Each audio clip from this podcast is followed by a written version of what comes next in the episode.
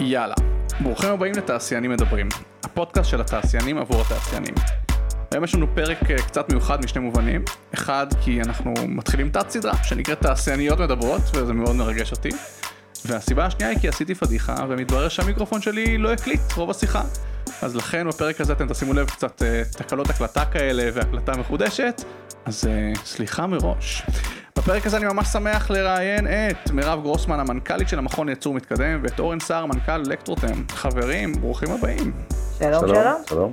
אז לפני שנתחיל וניכנס ל bits and bytes של איך עושים חדשנות בתעשייה, הייתי שמח טיפה לשמוע עליכם. טוב, אז תעשיינית מדברת. אז, אה, אז אכן, אה, מירב גרוסמן, אני אה, כמהנדסת מערכות מידע צעירה, בזמנו, לא האמנתי שבסוף את רוב הקריירה שלי אני אעשה בתעשייה, אבל זה מה שקרה. אכן הייתי המון המון שנים בתעשיית הזכוכית בישראל, פניציה. עשיתי מגוון תפקידים, התחלתי כמנמ"רית, והמשכתי אחר כך לעולמות ה-supply chain, טאפי, לוגיסטיקה, הארדקור של, של התעשייה הזאת, ובהמשך עברתי לתחום המכשור הרפואי, בדגניה סיליקון, גם בתחום ה-supply chain, בשנים האחרונות עברתי לצד הייעוצי של המפה, ובאמת החל מתחילת השנה התמניתי כמנכ"לית המכון לייצור מתקדם. גוף שעושה המון למען התעשייה המסורתית אה, בישראל, ושאני מניחה שנספר. אורן, ברוך הבא. תודה, תודה, כיף להיות פה. אה, אז אה, כיום אני המנכ"ל של קבוצת החברות אלקטרוטרם, שמונה ארבע חברות, בארץ, בגרמניה ובסין. אני מגיע מרקע של תעשייה וניהול. חלמתי להיות בתעשייה, חי... חלמתי לעבוד בתעשייה. חשבתי שאני היחיד. לא, לא, לא, יש עוד כמה משוגעים כאלה, ומהרגע שנכנסתי בטכניון, לפקולטת תעשייה וניהול, ידעתי שאני הולך בסוף להתעסק. החלום היה מפעל תעשייתי, תעשייה כבדה, מסורתית, לא משנה לי, אה, עם גריז על הידיים. ובסוף, אחרי הרבה מאוד תהפוכות, זה קרה. למה תהפוכות? כי בכלל התחלתי בתעשיית הסמי קונדקטור. שם אין גריז על הידיים. שם אין אה, גריז על הידיים. הכל נקי. הכל נקי, אה, למרות ששם גם היה הרבה מאוד אה, חומרה ועבודה ייצורית. קיבלתי את הזדמנות חיי לעבור לסין לשש שנים, לנהל את המפעלים של החברה האמריקאית שעבדתי בה בתחום ה semiconductor. אפשר לשאול איזו?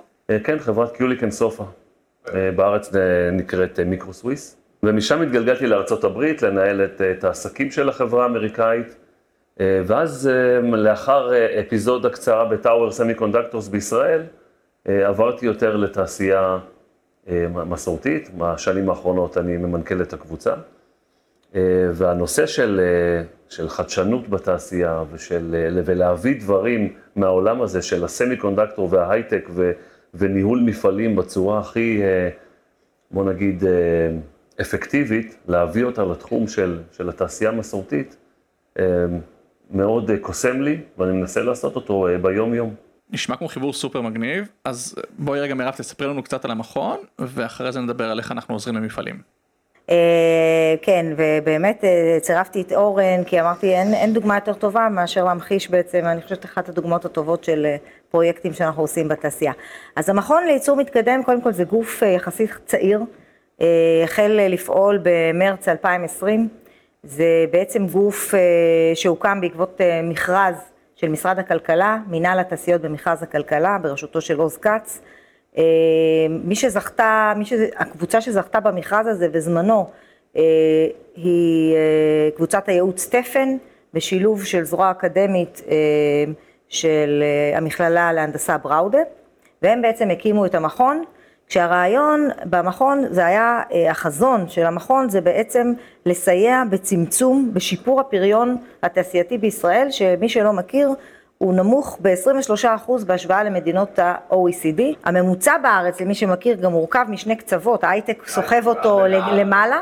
ולכן בתעשייה המסורתית זה, זה בעצם יותר נמוך, ואם אנחנו אוהבים להשוות את עצמנו לטופ 5 נניח, אז אנחנו ב-53% יותר נמוכים ממדינות כמו דנמרק ובלגיה וכולי.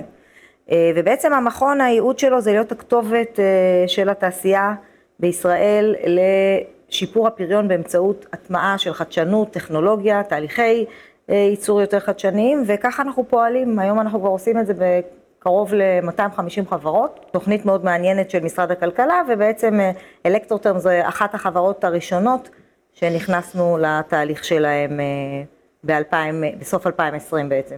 אז שנייה לפני שאני חוזר לאורן מאלקטרוטרם, אני רוצה רגע לשאול שאלה שאולי קצת לא נעימה. אולי אנחנו פשוט לא צריכים, אולי אנחנו צריכים להיות אומת הסטארט-אפ ואת הייצור נשאיר לסין. תראה, כל מדינה, אני חושבת, אה, כבר השכילה לראות, ואני חושבת שהקורונה המחישה את זה מצוין, אה, שבסופו של דבר התעשייה היא בסיס אה, מאוד מאוד חשוב לכלכלה. יש גם מספרים שמראים את המאות אלפים שעובדים בתעשייה, השכר הממוצע בתעשייה הוא הרבה יותר גבוה באופן יחסי לממוצע המשקי, זאת אומרת זה, זה סקטור מאוד חזק ולכן גם משקיעים בו. והיום כשאנחנו מדברים על חדשנות וייצור מתקדם, אז בעצם את אותם אה, סטארט-אפים ומקצועות הייטקים, אם אנחנו רוצים, או יכולות, זה כל הרעיון, אנחנו רוצים להביא אותם ולשלב אותם גם בתעשייה. ומי כמוך יודע שבעצם היום בתעשייה אה, משתלבים, אה, משתלבות להן טכנולוגיות וגישות שהן לחלוטין נחלתם של ההייטק עד לא מזמן. קניתי. יופי. אז אורן, ספר לנו קצת על אלקטרוטרם, ואחרי זה נדבר על הפרויקט הספציפי כמובן. אז אלקטרוטרם זה אה, חברה מאוד ותיקה בישראל, הוקמה אי שם לפני קום המדינה, שנות ה-40. בעצם אה, היא מפתחת ומייצרת ומשווקת תנורים תעשייתיים אה, למגוון תעשיות. החלק היצרני מייצר תנורים לשוק התעופה, טיר 1 וטיר 2 של בואינג ואיירבאס. רגע, רק בוא נסביר למי שלא מהתחום, מה זה אומר טיר 1 וטיר 2? אה, זה בעצם אנחנו אה, מייצרים ללקוחות כמו רולס רויס ו-GE, שמייצרים מנועים, שהמנועים האלה בסופו של דבר נכנסים לתוך גם מטוסים מסחריים, גם מטוסים צבאיים. יש לנו גם section בחברה של יבוא תנורים למגוון תעשיות, semiconductor, pharmaceutical, military וכאלה. מפעל בגרמניה שמייצר גם תנורים תעשייתיים שמונעים על ידי גז טבעי.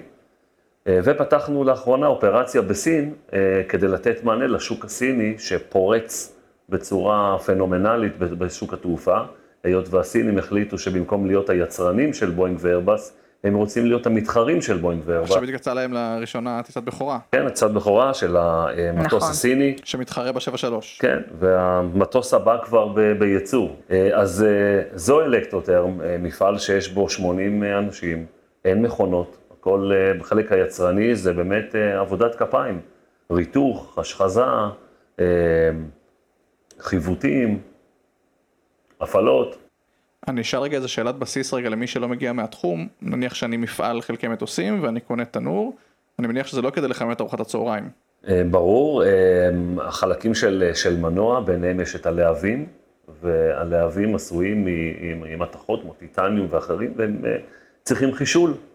אז החישול של אותן מתכות זה תהליך טרמי שנצרך ב, ב, ב, בשרשרת הייצור של, של מוצרים כאלה. אוקיי, ואני אשמח טיפה לשמוע על הפרויקט. אז אה, אני חושבת שבעצם ההדגמה של התהליך שאנחנו עושים, אחר כך אנחנו ניגע בזה יחד עם אורן, איך זה קרה שם. אנחנו בעצם אה, נכנסים למפעל, בשלב הראשון אנחנו עושים להם בעצם אבחון, אבחון של הבשלות שלהם לתעשייה 4.0, אבחון כולל 360 מעלות בעצם של כל שרשרת הערך, החל מה... אה, אה, R&D שלהם אם יש להם, איך הם מפתחים, איך הם מעבירים לייצור, דרך התכנון של הייצור וה-supply chain והרכש, וכמובן כאלה ברצפת הייצור, המשאבים, תחום מערכות המידע, המון גם הסתכלות על הנושא של ההון האנושי בחברה, זה חלק אה, מאוד מהותי, התרבות הארגונית, enabler מאוד משמעותי להטמעה של חדשנות וקדמה בכלל. אה, זה תהליך קלאסי של חברת ייעוץ בעצם. אנחנו בשלב הזה עושים להם, כן, מיפוי די מקיף אנחנו עובדים עם חברות החל מ... אה, אה, בעצם כמעט כל גודל של חברה, לנו מגבלה, מוגבלים בחברות, לתוכנית של משרד הכלכלה, מוגבלים בחברות אה, שמחזור ההכנסות שלהם זה 400 מיליון שקלים לשנה. ובהתאם לזה גם מותאם תהליך האבחון, הוא מבוסס על מכונים בעולם כמו פראונופר ומוסד נאמן, ובעצם הם מקבלים בסוף הדרך סקירה של המצב שלהם, האתגרים, לפי תחומים מאוד מובנים כמו שאמרתי, את הציון שלהם בבשלות התעשייה, מ-0 עד 4, אה, רוב החברות לא עוברות את השתיים בישראל. וזה יחסי בעצם לתעשייה הישראלית או לעולם? איזה מודל כללי כזה, כן, אה, ומוגשת להם מפת דרכים road map כזה, ש- one page כזה שאומרים, חבר'ה, זה מה שאתם צריכים לעשות כדי להתקדם. סדר גודל של 15-20 פרויקטים, תלוי בגודל החברה, תלוי במורכבות. ובשלב הזה אנחנו, הם מקבלים שעות, הם זכאים לקבל בעצם בין 570 שעות ל-1200 שעות בהתאם לגודל שלהם. אה, רגע, כבר שאלה ראשונה שיש לי. בעצם על השלב הראשון, מי משלם? בעצם השלב הזה כיום כמעט מסובסד לחלוטין על ידי משרד הכלכלה, הם מקבלים סקירה באמת מקיפה. צריך להבין שרוב החברות שאנחנו נכנסים אליהן, בוודאי הקטנות והבינוניות, הן לא כאלה שניגשות ובקלות כזאת עושות תהליך כזה. לא המודעות קיימת וגם לא, לפעמים לא היכולת. כזה משלמים אה, השתתפות אה, סמלי, אה, של אה, 2,000 שקלים כולל מע"מ, כן? וכל השאר בעצם, אנחנו, אנחנו מעסיקים, מעבר לצוות שלנו, אנחנו מעסיקים אה, אה, כ-25 מאבחנים מוסמכים שאנחנו הכשרנו אותם במתודולוגיה הזו, אנשים שבאים עם כברת דרך בתעשייה, אנחנו לא מעסיקים אה, אה, חבר'ה יחסית אה, בוגרים, עשו תפקידים, יש להם מה לתרום, הם באים, הם מכירים, אורן יעיד על זה תכף, ובעצם מגישים את מפת הדרכים, כמו שאמרתי, והמפת דרכים היא בעצם ההתחלה. המפעל בשלב הזה צריך להגיד, אני רוצה להתקדם להטמעה, המטרה שלנו זה לקדם אותו, לא רק לתת לו את האבחון, דרך אגב, רק כ-75% מהמפעלים באמת ממשיכים, לא כולם באמת ממשיכים, מהרבה סיבות, כן, כן, לא, לא מגיעים לזה, קצת התעייפו, השוטף הורג. כן, תראי, בסוף לארגון קטן כן, זה לא פשוט. הוא גם צריך מאצ'ינג כספי, אה, וגם בין 50 ל-30 אחוז, תלוי, אבל זה בדרך כלל לא האישו. גם אה, פניות ניהולית, אבל הרבה פעמים אנחנו רואים עכשיו חברות שאחרי שנה נזכרות, רגע, אנחנו רוצים לעשות, זה לא תמיד טריוויאלי. זהו, בשלב הזה, רגע, לפני שעוברים לשלב הבא, אני רוצה רגע לשאול את אורן, איך נראתה מפת הדרכים שלכם? אז קודם כל, מפת הדרכים זה כמו מתנה. שילמתי 2,000 שקלים, קיבלתי שלמים, ואתה יודע, ידעתי זה שיש כל כך לי פה... מטריד, אה? כן. באמת זה מטריד. זאת אומרת, ידעתי שיש לי פה ושם כמה אתגרים שהייתי רוצה לשפר במפעל, אבל פתאום מגיע בן אדם, תואר שני בתעשייה וניהול, עם הרבה מאוד שנות ניסיון, שראה כבר 100-200 חברות, ויושב אצלנו שלושה שבועות, מראיין את כולם, יורד לקו ייצור, מנתח, אני כל הזמן רואה אותו עובד, ובסופו של דבר, אם חשבתי שהיו לי שלושה ארבעה אתגרים, נתן לי מפת דרכים של 27 נקודות, 27 פרקים של, תשמע, פה אתה יכול לעשות יותר טוב, ופה בוודאי יותר טוב, ופה יותר טוב, ופותח לך את העיניים, ואתה אומר, קיבלתי מתנה. עכשיו, יש הרבה מנכ"לים שעוד לפני האבחון כבר עוצרים אותו. אומרים לו, תקשיב, אני יודע מה הבעיות שלי, אני יודע איפה אני חלש, אני לא צריך אה, את מה שאתה אומר, או שאחרי אבחון אומרים, אה, קצת הגזמת פה וקצת הגזמת שם.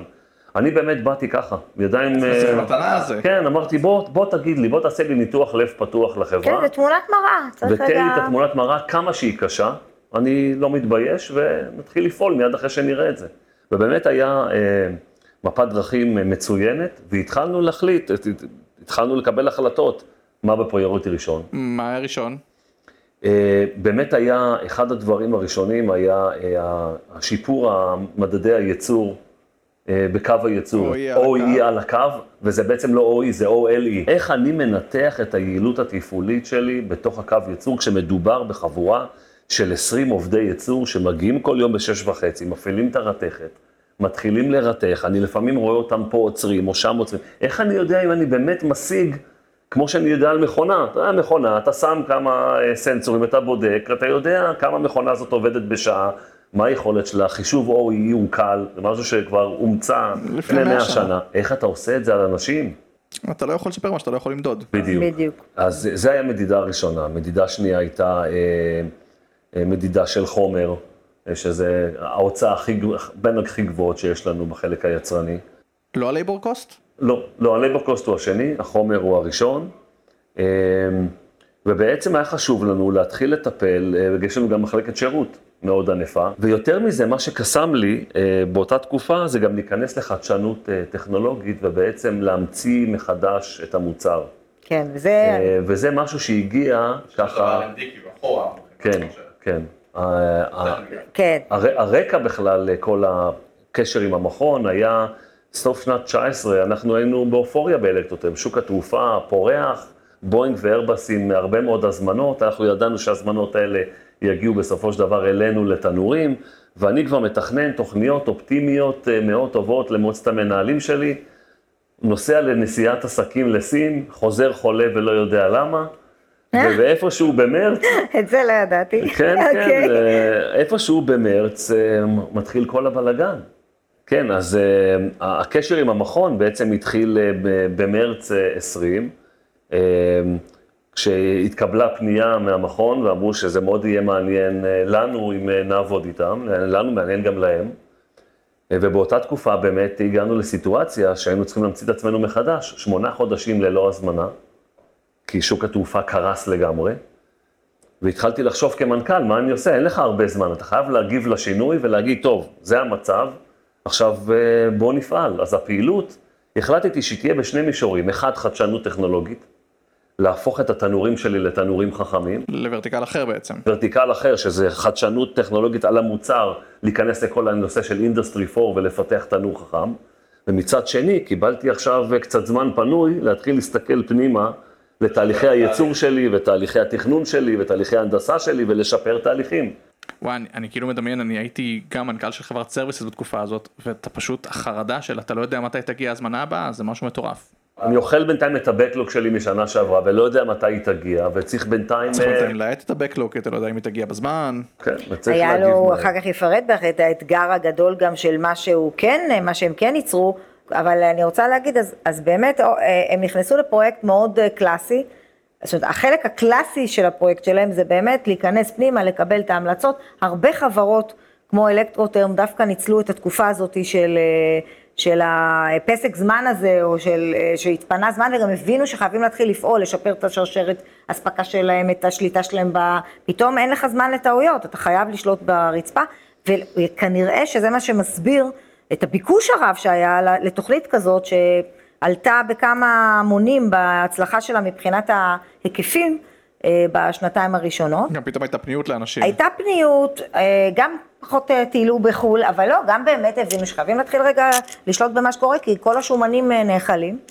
אז, ואורן נגע בזה, ובאמת מה שמאפיין את הפרויקטים של המכון, מי שבעצם עובד מולנו, נכון, זה שאפשר לנצל תקציב כזה בצורה מאוד חכמה, להפעיל כמה חברות שנתנו פה את השירות הזה, אה, בעצם היה שם שותף Smart Sense, נכון, בכל הנושא של, של החלק היותר של החדשנות, אבל גם בשליטה ברצפת ייצור. חיפשנו פתרון יצירתי ל discrete manufacturing, ל-OLE, כן, לעבודה עם אה, פתרון גמיש מאוד. אה, אה, וגם בתחום השירות הלקוחות הפעלנו את אה, דוקטור יעל בדואן. דוקטור יעל בדואן, זאת אומרת הפרויקט הוא מולטי דיסציפלינרי, אנחנו מסתכלים בצורה מאוד הוליסטית כדי להבטיח שהדברים האלה אה, אני חושב שמעבר לפניות, גם צריך להיות רצון. כי הרבה פעמים אתה יכול איכשהו. למצוא את הפניות, אבל אחרי זה, מעבר לרצון של המנכ"ל, להביא את, ה, את, ה, את הדרג מתחתיו, את ה middle management, להגיד, תקשיבו, זה, זה משהו שהוא טוב לנו, כדאי לכם אה, לקחת את זה, כדאי לנו כחברה להיכנס לזה, והרבה פעמים הדברים האלה נעצרים, או שם, או כי המנכ"ל לא רוצה יותר מדי, או כי המנכ"ל מאוד רוצה, אבל, אה, אבל בעצם לא מצליח מצליח לרתום. להביא, לרתום את ה middle management שיבואו וייכנסו לזה. ואורן לקח את טיפ הזהב שהתכוונתי, שאמרת שאתה הולך לשאול על טיפ הזהב, זה טיפ הזהב. זאת אומרת, אני חושבת שהמון תלוי בסוף בנכונות ובמעורבות של, בהובלה של המנכ"ל ב stage 1. אבל זה גם אירוע מורכב, כי בסוף החששות של הנהלת הביניים והעובדים הם גם לא פשוטים. זה אירוע מורכב, כי בהרבה מאוד מקרים זה גם חושף אותם כמנהלים על הביצועים שכביכול של המחלקה שלהם, ואיפה הביצועים האלה יכולים להיות, אז מה עשית עד עכשיו? בדיוק, בדיוק, אבל בהנחה שאתה מייצר תרבות ארגונית ללא אגו, שהכל פתוח, ואתה רוצה שתהיה שקיפות, ואנשים מוכנים להיות באיזשהו מקום קצת פגיעים, ולבוא ולהסתכל אה, במה שהם השיגו ומה שהם לא השיגו, ולהסתכל קדימה ולהגיד, רגע, אני באתי בסוף כן לשפר, ואני לא מתבייש אם יש לי כמה אתגרים, ואני אפתור אותם. דורש בגרות ניהולית. כן. בגרות ניהולית אם אתה בפירוש. חלק מהתהליך ולא מתנגד סדרתי, סדרתי מה שראוי לציין, אלקטרוטרם גם עשו את, ה, הם עשו את כל הטירונות והמסלול שלנו. בדיוק לנקודה הזאת יש לנו אה, תוכנית של מובילי חדשנות, שגם אה, סמנכ"ל ההנדסה שלך, אני חושבת, היה שם. סער, כן? סער. אה, מובילי חדשנות זו תוכנית שפותחה ומבוצעת אה, על ידי עמותת אה, צורים מקרן סטף ורטהיימר, ובעצם זו תוכנית משותפת שלנו, פיתחנו את המתודולוגיה, אנחנו לוקחים בעצם נציג מכל חברה, מי שרוצה, זה, זה כמובן הם לא חייבים. עד היום הכשרנו 60 כאלה, היום המחזור הרביעי. אז בעצם שם אנחנו לוקחים אותם, נותנים להם הכשרה יותר מעמיקה בצד הטכנולוגי. דרך אגב, מהמחזור הראשון שאתם השתתפתם זה מאוד השתנה, וזה הפך להיות באמת middle management, וכל הזמן, וזה גם התרחב, זה כבר אומר עשרה מפגשים. מצד אחד טכנולוגיה, כל הטכנולוגיה שאפשר לדבר עליה בעולמות של industry 4, לא כדי שיהיו מומחים טכנולוגיים ליישום, כדי שיהיו חשופים, ידעו מה הפתרונות, אבל לצד זה המיומנויות הרכות שציינת קודם. לכן כל המתודולוגיה שלנו גם עוסקת בתרבות ארגונית, הם מקבלים חיזוק לאיך להתמודד מול התנגדויות, איך להוביל פרויקטים, איך כל הזמן להיות כזה שהוא מוביל חדשנות, לסחוף את המנכ"ל ואת ההנהלה הבכירה אחריך לדבר הזה. אה, אז כן, זה כאילו, וגם את המסלול הזה בעצם אה, החבר'ה שלו עשו. אצלי זה יצר אצל מנהל ההנדסה מחויבות אדירה. הוא אה, כמובן בתור סמנכ"ל הנדסה שמחפש חדשנות, זה היה הדרך שלי להכניס אותו בכלל לכל הרומן הזה עם המכון, דרך החדשנות. אז הוא הלך לקורס, הפך להיות הפיבוט בחברה לחדשנות, ודרך הפרויקט הראשון, שהיה בכלל לא קשור יותר מדי, באיזשהו מקום בסוף כן קשור הרבה לפריון, אבל התחיל בתור להפוך את התנור שלנו, שזה בעצם אה, קופסה, קופסה טיפשה, שיודעת לעשות פרופיל טמפרטורה, כמובן עם בקרים ותוכנה והכול, אבל בסופו של דבר זה תנור. איך אתה מחר בבוקר עם התנור הזה נותן ערך ללקוח מעבר לפעולה הסטנדרטית שהוא עושה, שזה חימום לפי פרופיל טמפרטורה. איך אתה אה, אומר ללקוח, תשמע, אני מזהה לפי סנסורים ששמנו על התנור, שכשקורה אה, תופעה מספר 1, 8 ו-15, משהו רע הולך לקרות לתוצרים שלך בתוך התנור, וכדאי לחסוך לך setup, לחסוך לך maintenance, לחסוך לך אחוז פסולים. כן, זאת אומרת, כאן הם ממש אה, אה, יישמו גם את החלק הזה של industry 4. כן, במוצר. בתור ספק לתעשייה כזה, אבל כאן לקחו בעצם, כן. נחשפו לטכנולוגיות, אמרו, רגע, זה בא מתוך מצוקה, אין איך להתקין ולתמוך בדרכים הרגילות של לשלוח את הצוותים פשוט מאוד קדימה. אה, ומתוך המצוקה הזאת בעצם באה הזדמנות עסקית אה, מצוינת ושדרוג של המוצר הקיים.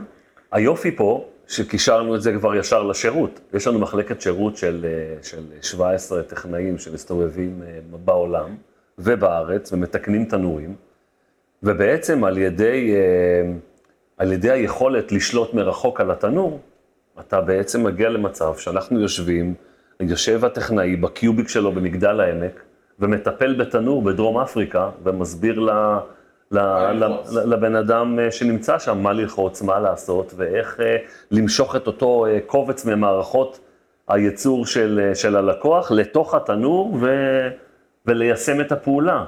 טוב, אז אני רוצה רגע לחזור חזרה לבסיס. אז דיברנו על זה שבעצם בשלב הראשון מקבלים ב-2,000 שקל אבחון מדוקדק. אה, ובשלב השני התחלתם לדבר על מאצ'ינג ודברים כאלה, אז הייתי שמח טיפה לשמוע על מה, מה זה אומר בפועל. אז קודם כל, כדי שלא תגזים, אז אה, אכן השלב הראשון זה המתכונת שלו, כשהמפעל מחליט שהוא עובר הלאה ליישום, נקבע ממנו סכום נוסף, אבל עדיין זה בהחלט אה, מסובסד ברמות מאוד מאוד גבוהות. אה, בעצם המפעל בא וחושב במה הוא רוצה להתחיל, אנחנו נותנים המלצה, זה יכול להיות בהתייעצות איתנו, אנחנו מפעילים דרך אגב שלושה מנהלי לקוחות משנה שעברה, שכל אחד מהם בעצם מרכז עשרות מפעלים תחתיו, הוא מין איזה כתובת ככה להתייעצות מעבר ליועץ מפת דרכים שעשה את העבודה הבסיסית. אתה מחליט שאתה רוצה להתקדם באמת באיזושהי מערכת לניהול רצפת הייצור, בוא נאמר במקרה של אורן, שיודעת להתמודד עם אה, אה, עבודה עם פועלים ולא עם מכונות. אנחנו מהמאגר חברות ויועצים שלנו, ממליצים אה, על שתיים שלוש אופציות, לפעמים החברה דרך אגב מרחיבה לנו את הקהל, היועצים צריכים להיות מוסמכים על ידינו או החברה, יש תהליך אה, אדמיניסטרטיבי, אנחנו מחתימים אותם על הסכם מולנו, הכל מסודר, ואז הם, הם, הם, המפעל מתרשם, כן, אה, ובוחר עם מי הוא רוצה להתחיל לעבוד, יש תהליך אה, פרוצדורה מסוימת, מגישים את uh, הצעת המחיר במבנה שאנחנו מבקשים, הכל מאושר מול משרד הכלכלה ומתחילים לעבוד. פעם בחודש בעצם מגישים לנו דוח נוכחות והתקדמות, ובעצם מה שיפה פה, דיברת קודם על תוכניות אחרות, למרות שאנחנו עובדים עם רשות החדשנות ורשות ההשקעות בשיתוף פעולה מלא, זה בהחלט תוכניות משלימות לתוכנית שלנו. בעצם הבירוקרטיה כאן, אנחנו משתדלים לחסוך אותה מהלקוח כמה שאפשר. זאת אומרת, אנחנו משלמים את הסבסוד לספק. ספק מפצל את החיוב שלו בין המפעל, לחלק שהמפעל צריך לשלם, ואלינו, אה, וככה אנחנו מנהלים את הדברים. אחת לחצי שנה אנחנו מלווים, באים לחברה ולוקחים שוב את, את מדד הבשלות התעשייתית, לראות מה, מה הוא אה, התקדם, עוד פעם מחשבים את הפריון, מקפידים על חישוב של אה, שניים שלושה מדדים תפעוליים, שאנחנו עכשיו מאוד מקפידים להכניס את זה מההתחלה, לראות שבאמת היה שיפור, כי בסופו של דבר אנחנו לא לשם שמיים, אנחנו רוצים להראות שיפור במפעלים, זאת הדרך בעצם, אני חוזרת להתחלה. אז, אז זאת צורת העבודה שלנו בתוכנית הזאת של משרד הכלכלה.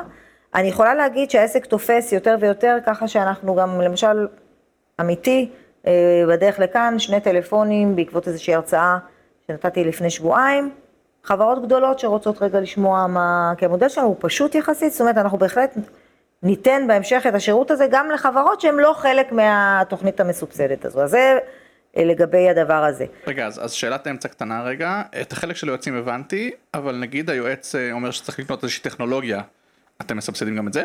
שאלה טובה, מדויקת, נגעתי קודם בשיתוף הפעולה.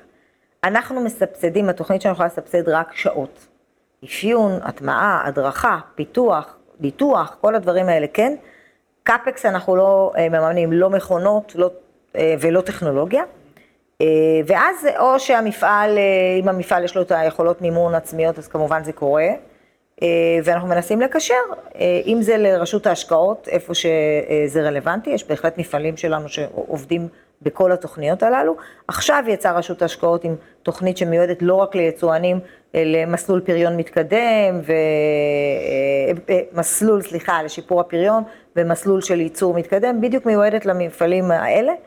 אה, אז אנחנו באמת עושים את הקישור הזה. חלק מהיועצים שלנו, למשל, הם מוסמכים גם כבוחנים של רשות החדשנות. אז אנחנו, אנחנו מאוד אה, מודעים ועושים את החיבורים האלה, וככה הם בעצם אה, משלימים. כמו שאורן אמר, בסוף מנכ"ל צריך להחליט שהוא רוצה, שהוא מבין שהוא חייב ללכת קדימה. ואז מגייסים את המשאבים הנכונים, עושים את הסדר העדיפות כמובן הנכון. ו... אני רוצה לשאול את אורן רגע את השאלה הקשה. ומרב תעצמי רגע את האוזניים. הבירוקרטיה, בסוף אני מכיר המון אה, מקרים שהמדינה נותנת כסף בכל מיני קונסטלציות, וזה באמת מאוד מוערך ומאוד חשוב ולא מובן מאליו, אבל השאלה כמה זה היה מורכב להשיג את זה. האם זה אין סוף טפסים ואין סוף אה, למלא דברים וועדות וכאלה, או שזה היה יחסית פשוט? ממש לא. אה, יש סט של כללים, שאם אתה עובד על פיהם ואתה בעצם, אתה מבין את ה, איך בעצם להגיש את הדוח, איך להגיש את אותו ספק, איך להנחות את אותו ספק שהייתי רוצה אה, לקחת, אה, לדבר עם המכון ולקבל את האישור, איך לפצל את החשבוניות. יש פה יותר רצון טוב מאשר בירוקרטיה. עם, עם החברה וגם אה, הספקי שירות מוכנים לתהליך הזה של לפצל את החשבונית, להגיד כל חודש, לרשום מה הם עשו וכמה הם עשו. שזה לטובת החברה, גם המעקב הזה. זה גם לטובת החברה.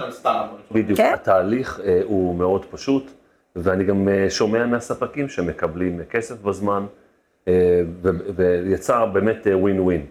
אני רוצה להגיד משהו בכל הנושא הזה של, תשמע, חברה כמונו, חברה בסדר גודל עולמי קטנה, בינונית, אין לה תקציבי יועצים תקציב יועצים אדירים בשנה. זה לא שאתה יוצא למקינזי ול-BCG. בדיוק. אני לא יכול עכשיו לקחת, אה, אם אני רוצה לעשות אה, עשרה פרויקטים במפעל, אין לי את היכולת הכלכלית לעשות את זה. בטח לא במתח רווחים שאנחנו עובדים בהם. ולכן כשבא המכון ואומר, תעבוד לפי מפת הדרכים, וכל יועץ כזה שאתה מביא, נסבסד לך 50% ממנו, משמעותי. החיים הופכים להיות הרבה יותר פשוטים, ואם רציתי לעשות שני פרויקטים בשנה, אז עכשיו אני עושה ארבעה. יותר מזה, המכון אה, מקושר בין אם לספקים שהוא הביא, ובין אם לחממות טכנולוגיות באזור הצפון, באזור. הגליל והצפון בכלל, וקישר אותי גם עם סטארט-אפים שבעצם היו צריכים מהצד שלהם, אה, חברה כמונו, להתגלח עליה. אז אני בתור אה, מנכ"ל שמאוד אוהב את הקטע החדשני, ועבדתי בתעשיית, תעשיית ההייטק, ומתחבר לסטארט-אפים ולסטארט-אפיסטים, הייתי מוכן לקחת את העזרה הזאת, ובעצם אה, מצאנו פה שפה משותפת של אה, חברת סטארט-אפ שיש לה כבר מוצר שהוא לא לגמרי מוגמר, אבל נראה שהוא בדרך הנכונה, קיבלתי אותו במחיר שפוי, עם סבסוד של המכון, ו... ווין ווין. ואורן שוב אה, נגע בנקודה טובה, אין, אני ידעתי למה אני מביאה אותו, זה לא... אבל אה, באמת במקרה של אורן היו בעצם אפשר להגיד שני סטארט, סטארט-אפים בשלבים שונים שהוא עבד איתם, אחד בתחום ה Smart Sense אם אינני טועה, כן, זה בתחום ה industry 4. שעשה להם אה, יופי של עבודה בתחום ה industry 4, בחור בשם אלי שראל, בעצם כל התהליך של הפיכת מוצר למוצר חכם, בעצם הכנסנו סדרה של סנסורים על המוצר עצמו, על התנור עצמו, וגם ב- בסביבה, באותם, באותו מפעל שה, שהתנור נמצא. אה, אוספים נתונים, הכל כמובן cyber security. אז אוספים נתונים אה, שמה קורה במקומות שונים אה, בתנור, ודרך machine learning הלקוח מקבל, כמו שאמרתי בתחילת הפרק, הלקוח מקבל אינדיקציה שמשהו עומד לקרות. מה שאנחנו קוראים החזקה חזויה. או, ואותו הם, הם באמת, אה, הם עובדים לפי הסטנדרט של industry 4, ככה לפי פרוטוקולים. מגרמניה בצורה מאוד יפה, זה אחד. שני זה אה, בריפרי, שזה גם כן אה, בעצם הוא היום אה, נמצא ב-i4 Valley, זאת חממה טכנולוגית אה, לסטארט-אפים בתחום של industry 4. בכלל חבל כרמיאל, שתכף נגיע למרכז ההתנסות שלנו, חבל כרמיאל ממתג את עצמו יותר ויותר ונתפס בישראל, מיתוג זה כבר אה, חלש לעומת, כמוביל ה industry 4 בארץ, יש גם המון תעשייה בישראל, מעל 40 אחוז מהתעשייה שם, וגם באמת יש מגוון של סטארט-אפים גם שם, גם במאיס הגליל שהוא תת קבוצה של בראודה, גם בחממת הטכניון, יש באמת קבוצה מאוד אה, יפה בצפון, אה, וכן, זה ווין ווין כשמנכ"ל של חברה כזו ומפעל כזה מוכן לקבל אותם אה, באמת אה, כדי להתנסות, לשפר את המוצר שלהם ולקבל פתרון. מהמם. אז לפני שכבר נסכם על המרכז שאתם מקימים בכרמיאל, ואנחנו רואים פה אחלה סיפור הצלחה, הייתי רוצה לשמוע מכם אולי איזשהו סיפור על כישלון, על משהו שלא הלך בדיוק כמו שציפיתם. אז קודם כל, כן, זה סיפור אה, טוב. הנה, אתה יודע מה, אפילו בכנות נגיד, שלמרות שהסיפור של אלקטרוטם זה בעיניי סיפור מאוד מייצג, בצורה מאוד טובה, יש לנו אתגרים בסוף בטכניקה של איך אנחנו מציגים את זה בפריון. הם עשו שם שינויים. נכון, לא, אה, יש שם שיפורים, אנחנו גם, אה, אבל זה לא, זה לא דוגמה למה שאתה מתכוון. ישנם מקרים שאני בהחלט רואה כ, כלא מוצלחים. דווקא מפעל, אה, גם בתחום המתכת, לא, לא נזכיר את שמו, נכנס עם מנכ"ל אחד בצורה מאוד ממונפת ל, לעבודה בשני פרויקטים, מצד אחד הטמיעו ERP, מצד שני במקביל הטמיעו מס על המכונות ייצור, כל אה, תעוזה, בהחלט שני פרויקטים מאוד גדולים. היה שם המון, הייתה שם המון תחלופה אה, בדרג הניהולי מנכ"ל וגם הדרג ביניים הבכיר בוא נאמר ככה. וכשהגעתי, אני במקרה באתי לפני מספר חודשים לפגישת ליווי ובקרה, אה, אחרי שכבר היו אצלם לראות מה זה ומה, והסתבר שנעשתה שם עבודה לא מספיק יסודית אה, אה, בהיבט של הבטחת טיוב הנתונים. מה זאת אומרת? הם באיזשהו שלב קלטו שהמס מראה להם, הגרפים נראים מאוד יפים, רק שהנתונים כלל לא נכונים בגלל תשתית לקויה של עצי מוצר של אה, וכולי. שלא השכילו לעשות את זה מלכתחילה, ואולי גם עודף מאמץ ניהולי שלא היה להם איך להוביל אותו. שני מערכות כאלה על, אה, במפעל לא כזה גדול, סדר גודל של אה, אלקטרוטם, זה קשה. והם בעצם אה, קיפלו, קיפלו את אחת המערכות, את המס, הם החליטו, קיפלו את הטאבלטים, שמו את הכל במחסן, והם כנראה ברבעון האחרון של השנה יחזירו את זה מחדש, הם קודם כל התחלפה מנכ"לית, אפרופו תעשיינים, מנכ"לית במפעל כזה של מתכת, זה היה מרשים מאוד לראות, גם אישה מאוד מרשימה, היא אמרה, אני חייבת קודם כל לסדר את התשתית. מבחינתי זה, זה פרויקט שהיינו צריכים אה, איכשהו אה, לקלוט אה, אה, קודם. אז, זה, אז אנחנו המון אה, נותנים דגש על הדבר הזה, אז כן, יש בהחלט גם מקרים כאלה. אז מזה אני לוקח בעצם טיפ של Don't bite more than you can chew, נכון? כאילו לקחת לגודל שמתאים לך. בהחלט, הרבה פעמים צריך אה, רגע לראות שיכולים לקחת. תראה, היה שם עניינים פנימיים כמו תחלופה מאוד מסיבית, שקשה לך לצפות. אז ברור שגם בעצם משבר כזה קורים דברים, ואז הכוח החדש, הכוח החדש שמגיע הוא בוודאי צריך רגע להשתלט על השוטף, וקורונה, זאת אומרת כולם הושפעו גם מכל האי יציבות שסביבה. המשברים הרגילים שלנו. בדיוק, אז כן, אז זה ככה, ביקשת, קיבלת, אז יש גם דוגמאות כאלה. מגניב. אה, נגעת בנקודה ש, שאני רוצה רגע להרחיב עליה. בסוף נשים בתעשייה, ואת אישה בתעשייה, אני חושב שזה עניין ממש מורכב, זאת אומרת, באמת קשה למצוא היום נשים בתעשייה, למה את חושבת שזה ככה? אה, אני חושבת שיותר ויותר, אני מכירה כבר, אה, קודם כל אה, אצלנו בקבוצה, בוא נאמר, אז אם ניקח את תפן, אמנם זאת חברת ייעוץ, אבל שעובדת חזק עם התעשייה, רוב ההנהלה שם נשית, מלי ביצור, מלי ביצור פרנס, והייתה שם, היא הייתה בתעש, ראש אגף, הייתה בהארדקור, זה אפשרי, והסמנכ"לית שיווק שלהם, וסמנכ"לית משאבי אנוש, המון מהיועצות הבכירות, אז זה ברור, אבל הם עדיין גוף ייעוצי. אה, אני בשנותיי ראיתי המון, אה, יש יותר ויותר נשים שמשתלבות בתעשייה, מהנדסות, בוודאי כל עולם הטאפי, אה, כמובן רכש, supply chain בכלל, בייצור זה נכנס יותר ויותר, אם אתה תיקח תעשייה כמו מדיקל דיווייס, המון נשים, בכל הדרגים, ואני מאמינה שדווקא ככל שתיכנס חדשנות, ובעצם אנחנו יודעים שכוח העבודה בסופו של דבר, אפילו הרתכים אצל אורן עם הזמן, זה הפרויקט הבא שלו, בסוף הם, הם לא יוחלפו, הם יעשו upskilling להפעיל מכונות. אז ברגע שאתה יותר ויותר עובד בסופו של דבר פחות עבודה פיזית, אה, אז, אז יותר ויותר נשים ייכנסו. אני דווקא מתמקד יותר בהנהלה. תראה, אז אנחנו רואים את המצב הקלאסי היום בהנהלה, שאתה רואה בהנהלה אנשים, אז הם בדרך כלל משאבי אנוש, לפעמים שיווק, אה, אה, וכמו שאמרתי, supply chain.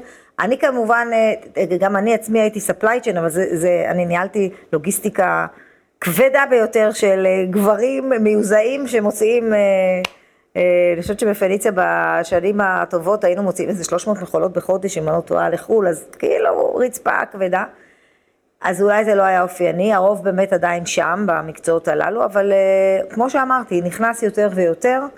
מה צריך לעודד אותם uh, מלמטה, כי הפעמון הוא, זה לא פעמון, זה, זה בעצם פירמידה הפוכה כזו, הם מתחילים עם, uh, לא יודעת, 30-40 אחוז, ובסוף מצטמצמות ל-6 אחוז בטופ. דרך אגב, זה נתונים עולמיים, זה נתונים של שנים לא, לא מספיק, זה הרבה מודעות, כ, uh, uh, החל מהתיכון, כניסה למקצועות הנדסיים, טכנולוגיים, אה, עידוד של אה, נשים וגם ברמה של המנהלים בוא נאמר, כן, ואני חושבת שיש היום יותר ויותר פתיחות. אה, של משרות שמאפשרות את האיזון בית עבודה. אני חושבת שהיום הנושא של תעסוקה היברידית, היא מתחילה לייצר משהו שמאפשר גם לעבוד, ואני חושבת שבכלל הדור המילניאל, אנחנו לא שם, אבל נכון, אנחנו, לא יודעת מה אנחנו, וואי, הדור ה... אנחנו ה-X, אני כבר לא זוכרת את, המס... את האותיות, תתקנו אותי אחר כך. אתה רואה גם את הגברים הצעירים, חבר'ה בין 30, 35, הם גם מצפים להיות שותפים בה, זה כבר לא... הם עצמם, אז זה ילך וישתפר. אמ, ככה אני רואה את זה. כן, כן, המצב יש עוד מה לשפר, אנחנו רואים כמה, עכשיו היה בדיוק את הדוחות ודיווחים על ההפרשי שכר שיש, אז אה, צריך רגע לוודא שהם משווים תפוחים לתפוחים בשעות נוספות ומשמרות. אה. אבל יש יותר ויותר הזדמנויות בגלל, כמו שאמרתי, כל האמצעים הטכנולוגיים, שבעצם בסופו של דבר ימשכו יותר ויותר קהל מגוון וטכנולוגי לתעשייה עצמה. לצד הפעילות הזו שהצגתי, אנחנו כל השנתיים ומשהו האלה, ודיברתי על למשל תוכנית מובילי חדשנות, מפעילים מה שנקרא מרכז ידע. זה בא לידי ביטוי בזה שאנחנו משתתפים בהמון אה, כנסים וועידות, אפילו מה שאנחנו עושים כאן, אה, וובינארים שאנחנו אה, בעצם מקיימים לטובת הלקוחות ובכלל הקהילה. לפני חודש עשינו על תאום דיגיטלי, שבוע הבא יש לנו גם משהו עם בראודה בתחום האיכות, תאום דיגיטלי, שימושים באיכות וייצור תוספתי, יש לנו עכשיו איזה שת"פ מעניין עם לשכה לטכנולוגיות מידע, אז אנחנו ככה מקיימים את זה. לצד כל הפעילות הזו, אה, בעצם אנחנו אה, עובדים כבר מעל שנה על הקמת בית פיזי גם למכון בכרמיאל, בפארק התעשייה, ובעצם אה, המקום הזה הוא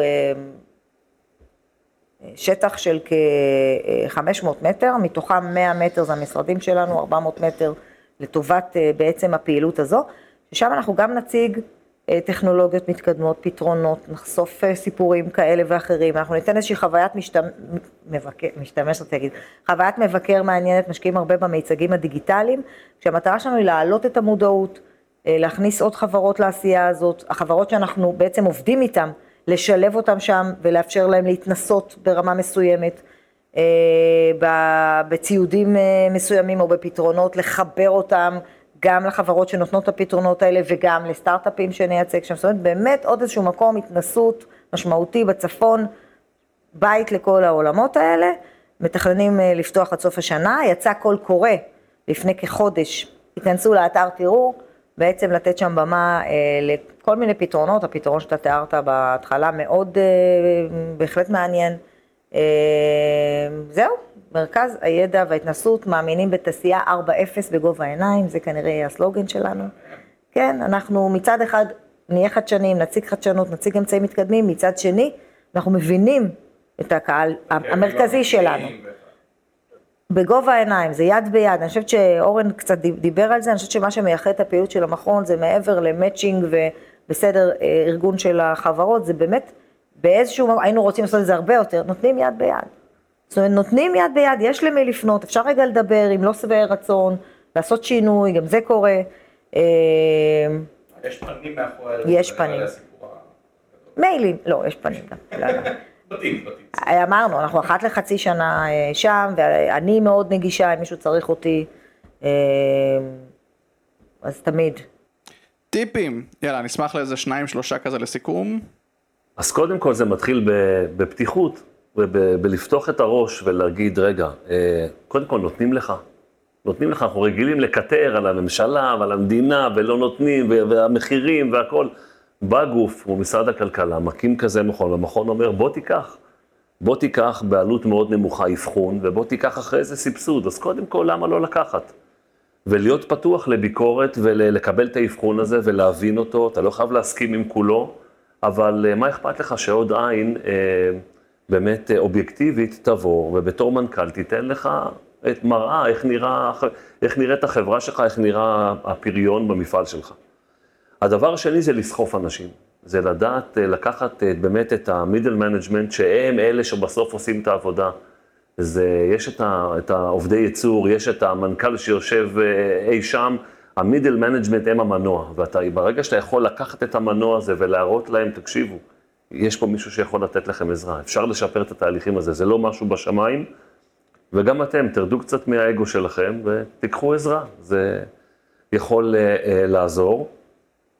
Uh, אתה יודע איך אתה נכנס לתהליך הזה, ואתה אף פעם לא יודע איך אתה יוצא. זאת אומרת, אתה מתחיל לפגוש יותר ויותר אנשים. אנחנו לא תכננו שאחד מהיועצים, שבא בכלל לעשות לנו תהליך של KPIs בחברה, ש, שזה גם כתוב, כתוב במפת הדרכים, הוא פתאום מקושר לחממה טכנולוגית שמייצגת 15 אה, סטארט-אפים, שלפחות שלושה מהם אני מאוד מאוד צריך את הפתרון.